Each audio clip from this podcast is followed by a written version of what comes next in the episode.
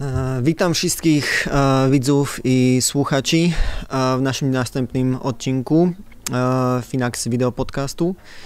Dzisiaj naszym gościem jest były dziennikarz, bloger, ESG ewangelista Przemek Barankiewicz, który również prowadzi blog zbika.pl. Witaj Przemek. Cześć Michał, dzień dobry Państwu. Porozmawiamy dzisiaj oprócz innego o inwestowaniu w ESG oraz o tym, e, jaka jest nowa praca Przemka. I no właśnie, no, zacznijmy od Twojej nowej pracy. E, kilka tygodni temu e, tutaj z nami i robiłeś e, rozmowę ze mną e, na temat Finaxa, na temat inwestowania pasywnego. No i dzisiaj tutaj siedzisz e, już jako mój, nasz nowy kolega. Powiedz mi, co cię tak przekonało no właśnie, do no, tego, że być naszym nowym kolegą? Okazuje się, Michał, że jesteś nie tylko dobrym, Michał, sorry, Michał, że jesteś nie tylko dobrym jakby propagatorem y, Finaxu i produktów, ale też jakby świetnym rekruterem. No tak naprawdę mm, to pas, pasywna rewolucja, którą, którą tu głosicie w Finaxie, yy, trochę mną zawładnęła i, i, trochę w nią uwierzyłem, bo, bo widzę, że w tym kierunku powinien się rozwijać rynek, zwłaszcza jak patrzę na polski na polski rynek i na to, że brakuje nam takiej, takiej konkurencji dla tych funduszy aktywnie zarządzanych. I, i to, to jedno, a dwa, jak patrzę na cały świat, gdzie te fundusze ETF powoli podbijają rynek i coraz więcej pieniędzy, właściwie ponad połowa już tej świeżej kasy, która trafia do funduszy, trafia na, na rynek pasywny. Mhm.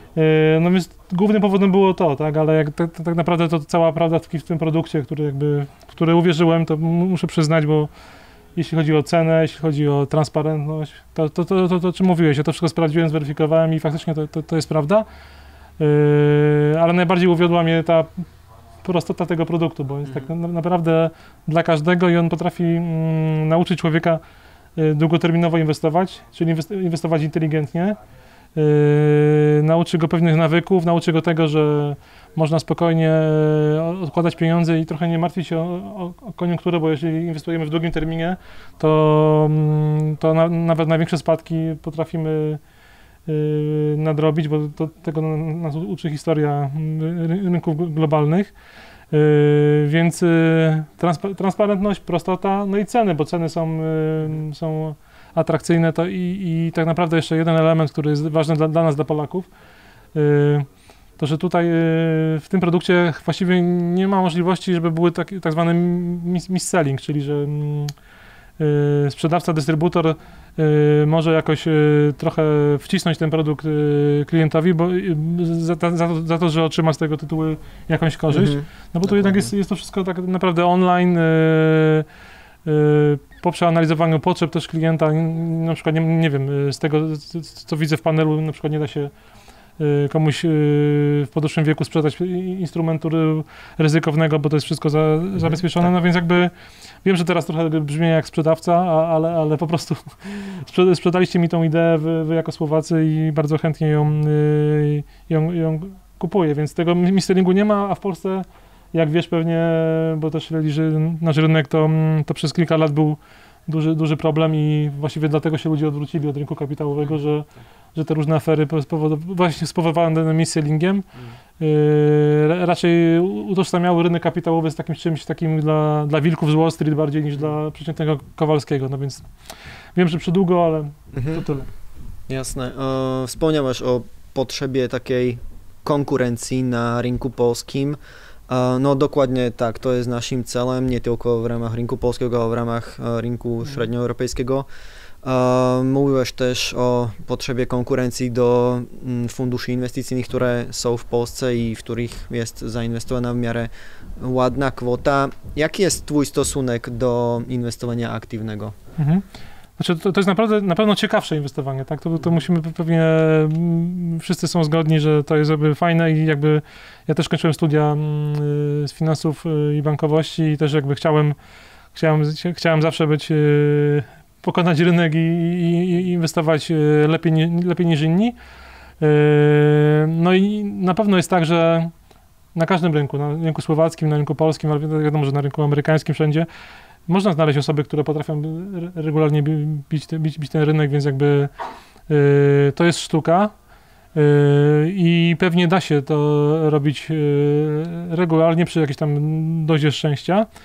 Natomiast jest pytanie, czy, czy, czy to szczęście będzie też sprzyjało klientom, klientom dającym pieniądze do, do tych funduszy, które tak aktywnie zarządzają, bo, powiedzmy, mogę sobie wyobrazić sytuację, że są fundusze, które biją rynek aktywnie zarządzając, chociaż jest ich mniej niż tych, które przegrywają ze swoimi benchmarkami.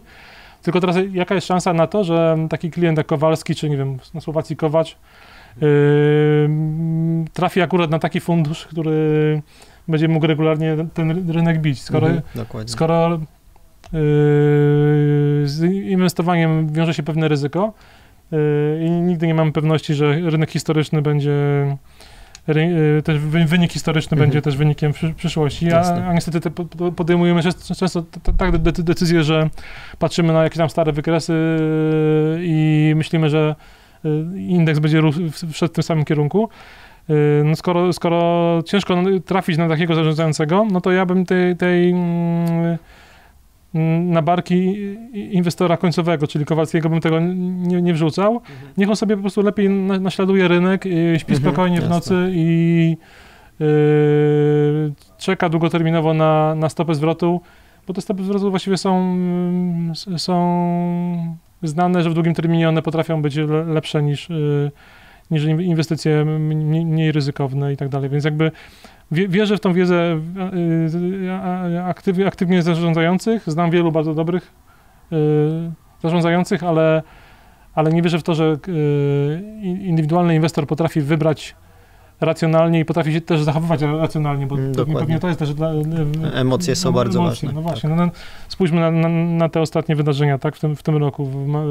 Ci, którzy mm, potrafi, nie potrafili opanować tych emocji i sprzedali papiery w, na dołku w marcu, no to yy, stracili najwięcej. I teraz trochę jest tak, że to, takie rozwiązania y, typu RoboAdvisor, gdzie de facto ty, ty, ty jako klient nie, nie, nie, jesteś w stanie szybko zareagować i automatycznie zareagować, yy, no w długim terminie pomagają, bo one jakby wyzbywają te twoje inwestowanie z emocji. Ja wiem, że niektórzy lubią emocje, ale akurat na, rynku, na rynku inwestycyjnym to chyba lepiej, żeby, żeby tych emocji było jak najmniej, żeby, żeby to było nudne, ale przewidywalne, tak? Mm, tak, no ale też są takie emocje jak FOMO, Fear of Missing Out, kiedy no ktoś widzi, że jakaś spółka albo jakieś aktywum bardzo, bardzo szybko rośnie i chce po prostu e, też trochę mhm. e, z tego zyskać, więc też może jakiś tam e, greed, czyli e, ta chęć mieć ten zysk, to też jest bardzo ważne, no ale tak. tak samo emocja z drugiej strony, jak mówisz, kiedy rynki padają, no to jest ten fear, czyli strach, kiedy po prostu człowiek e, nie nie jest konsekwentny ze swoją strategią inwestycyjną i po prostu z powodu strachu zrobi jakiś no tak, błąd, to, to są bardzo a, ważne a, a strach jest, jeszcze zwielokrotniany przez, przez jakby te, nie ukrywajmy tego, przez, przez media, no bo one trochę wiedzą, że strach się fajnie sprzedaje w, mm, w internecie i w mediach. Ludzie lubią czytać o tym, yy, że, że coś się strasznego wydarzyło im albo ich, ich, ich sąsiadom, więc yy, media też nakręcają takie pewne yy, spekulacje. No. Ostatnio czytałem takie badanie właśnie a propos tych spekulacji, no bo de facto w finansie promujemy to długoterminowe podejście do inwestowania, tak. po drugiej stronie jest de facto spekulowanie, a nie inwestowanie jeśli kupujesz na, jedną, na jeden dzień y, akcję, to szanse, szanse że, że stracisz na tym, wynoszą 46%. Są jakieś takie badania no, historyczne. No, prawie 50 na 50. No właśnie, tak, czyli, no. czyli, ten, a, a, jeżeli, a jeżeli kupisz na 10 lat, to szansa, że stracisz historycznie wynosi 6%, no więc, więc y, no. same, tutaj liczby nie kłamią, tak, yy, liczby nie kłamią i jakby można, można dyskutować z faktami, z emocjami i z tym, że ktoś jest lepszym analitykiem czy, czy gorszym, zarządzającym, ale z liczbami ciężko dyskutować, a akurat liczby przemawiają za inwestowaniem pasywnym. Hmm. Mm, ty oprócz innego jesteś też e, wiceprezesem e, CFA, organizacji CFA w Polsce. Um, może również masz tytuł CFA. Mam tytuł CFA. Może mhm. na początek bardzo krótko powiedz o tym, co to jest CFA albo mhm. tytuł CFA i po co w ogóle zdawałeś taki tytuł? Okej, okay. no tak, dobre pytanie, skoro powiedziałem przed chwilą, że nie wierzę do końca w, w, w aktywne mhm. zarządzanie. Um, CFA Society Poland to jest taka, taka gałąź CFA Institute, a CFA Institute to jest taka światowa, globalna organizacja zrzeszająca analityków zarządzających, specjalistów generalnie z branży inwestycyjnej. Jest nas na, na całym świecie ponad 150 tysięcy. W Polsce to jest chyba ponad 600. No trzeba tam zdać pewne trudne egzaminy, mieć jakieś, jakieś doświadczenie w inwestowaniu. Natomiast to, co, mi, co tam lubię robić i co, co mnie, co mnie jakby tutaj przyciągnęło do, do, tego stowarzyszenia, to jest to, że bardzo dużo się dzieje w, w, w, edukacji, etyki. Staramy się jakby trochę ten rynek tak specjalistów z tego rynku u, uczyć też nowości, bo wiadomo, że ten rynek się zmienia, ale też tego, żeby, żeby po, do, z klientem do relacji podchodzić bardzo tak etycznie, długoterminowo. No i to, to nam się udaje i to staram się w ramach tego CFA w, Pol w Polsce robić. Dlaczego? No, chciałem, ja pracowałem przez prawie 20 lat w mediach i w tych mediach trochę zawsze było tak, że to my, my dziennikarze dzwoniliśmy do, do specjalistów i pytaliśmy się o, o opinie i te opinie często były, no, no wiesz jak to jest, no raz, że człowiek jest omylny, dwa, że pewne też pracuje w pewnej firmie, więc pewne rzeczy nie wypada mu mówić. Y, jak pracujesz, nie wiem, w funduszu inwestycyjnym, to nie powiesz pewnie tak łatwo, że nie w funduszu, który zarządza małymi spółkami, to nie powiesz, że w tym roku małe spółki będą słabe, no, choćbyś mhm. nawet tak, tak, tak, tak myślał. Yy, więc w najlepszym wypadku nie powiesz, a w najgorszym powiesz, powiesz na odwrót. No więc też sobie zdałem sprawę, że jakby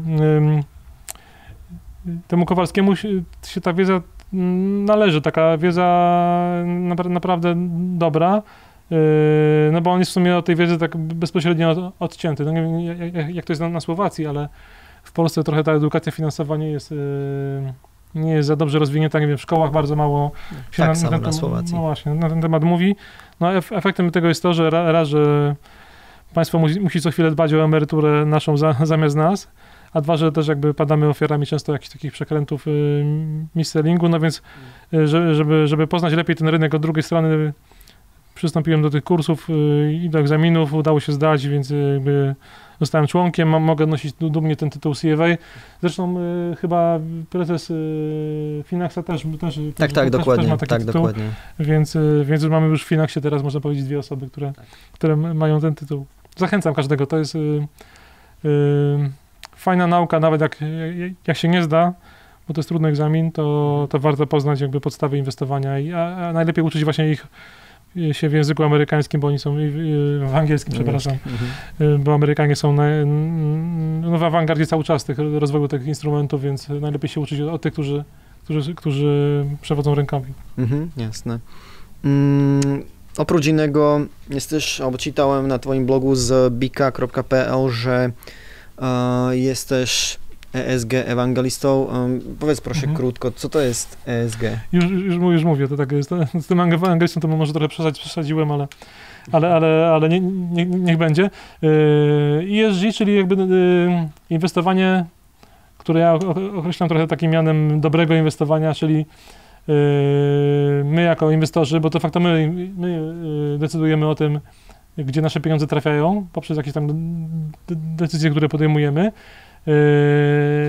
I, i ja, ja, wierzę w to i coraz więcej ludzi w to wierzy, inwestorów w to wierzy, że, że, że my możemy też jako y, globalna masa inwestorów decydować o tym, że nasze pieniądze będą trafiały na mm, cele zgodne z różnymi kryteriami, dobrymi kryteriami, a tymi kryteriami właśnie są y, środowisko, czyli, czyli to E, environment, mhm. Y, kwestie społeczne, social, czy jest. No i G, governance, y, z tym Polska ma największy problem, nie wiem jak tam na Słowacji, ale u nas ten ład, ład korporacyjny trochę, mhm. jesteśmy z tym trochę na, na bakier i to nie tylko w spółkach Skarbu Państwa, ale te, te, też w innych. No więc generalnie uwzględniając te, te trzy kryteria, mm, możemy spółki przefiltrować y, pod, pod, pod, pod, ich względem, no i inwestować w te, które mm, albo są już dobre pod tym względem ESG, mają wysoki scoring, bo są różne agencje, które ten scoring dają, albo po prostu mają szansę się poprawić, albo yy, pewne, pewne zmiany u, u, siebie i dbają o niektóre, niektóre aspekty. Ja powiem Ci, bo to, bo to, może być ciekawe, skąd się to, to u, mnie wzięło. Kiedyś mam, mam, mam syna 13-letniego i kiedyś mówili w szkole, yy, ka, każde z dzieci mówiło w szkole, czym się zajmują rodzice i tak naprawdę potem on opowiadał i tam jedna, jedna, jedna osoba mówi, że, że ta tata jest lekarzem, inna, że budowlańcem, trzecia mówi, że jest nauczycielem, czyli takie zawody, które coś faktycznie wnoszą do tego mhm. świata. No i on za bardzo nie wiedział, co, co powiedzieć. I tak sobie pomyślałem wtedy, że może my jako branża finansowa też możemy zrobić coś fajnego, coś Jasne. fajnego, do, dobrego, żeby, żeby to po, po, nas zostało i żeby coś, coś się zmieniło, bo potrafimy tylko ciągle my wszyscy narzekać na jakieś zmiany klimatyczne, na to, że pracownicy są wykorzystywani albo na to, że, że inwestorzy mniejszościowi są, są no, źle traktowani przez tych większościowych. Więc y, w sumie dlaczego by nie, by, by nie tego ruchu nie, nie wesprzeć? No i teraz jest chyba taki globalny nawet trend, yy, że, że coraz więcej, więcej, więcej kasy płynie. Co ciekawe, jakby to już na początku powiedzieliśmy, że te, te inwestycje pasywne przyciągają najwięcej kasy, a okazuje się, że najwięcej kasy w ramach inwestycji pasywnych przyciągają fundusze ETF yy, procentowo, przyciągają fundusze ETF yy, ESG, bo są takie fundusze. To jest, w, tej, w tym momencie to, to już jest ponad 100 miliardów aktywów, które mają te fundusze ETF ESG ja wiem, że to, to, są ciągle jakby kwoty niewielkie, ale to, to cały czas rośnie i akurat nawet teraz w tym covidowym kryzysie bardzo dużo na tym rynku mm, się działo, no bo wszyscy sobie zdaliśmy sprawę, że pieniądze to nie wszystko i, i nagle nawet ci zarządzający z Wall Street zaczęli, zaczęli dostrzegać to, że że powiem, powiem że, że, war, że warto, a, a to jest też ciekawe, że bo przez lata było tak, że Yy, bo takie, były takie inwestycje, były powiedzmy fundusze, które nie inwestowały w, papierosy, w produkcję papierosów, mhm. produkcję broni. Wcześniej jeszcze była walka z, z apartheidem, czyli na przykład wycofali się inwestorzy z, z południowej Af y, Afryki. Yy, I te fundusze były, tylko przez lata one jakby przynosiły gorsze stopy zwrotu niż yy, mhm. rynek.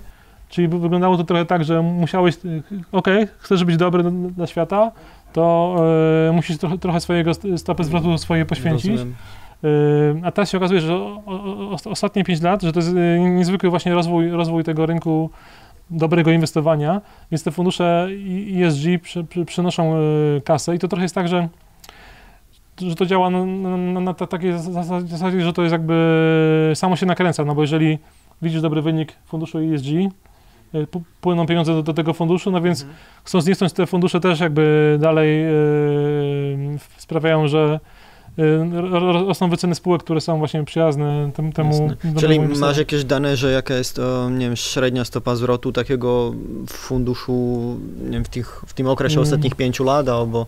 Wiesz co, one są minim, to, są, to są ułamki procenta, ale yy, i, wiadomo, każdą teorię można danymi badaniami potwierdzić i, i też widziałem takie badania, które mówiły, że, że, że akurat, że nie są lepsze, mhm, ale okay. większość badań pokazuje, że są co najmniej tak samo dobre jak benchmarki.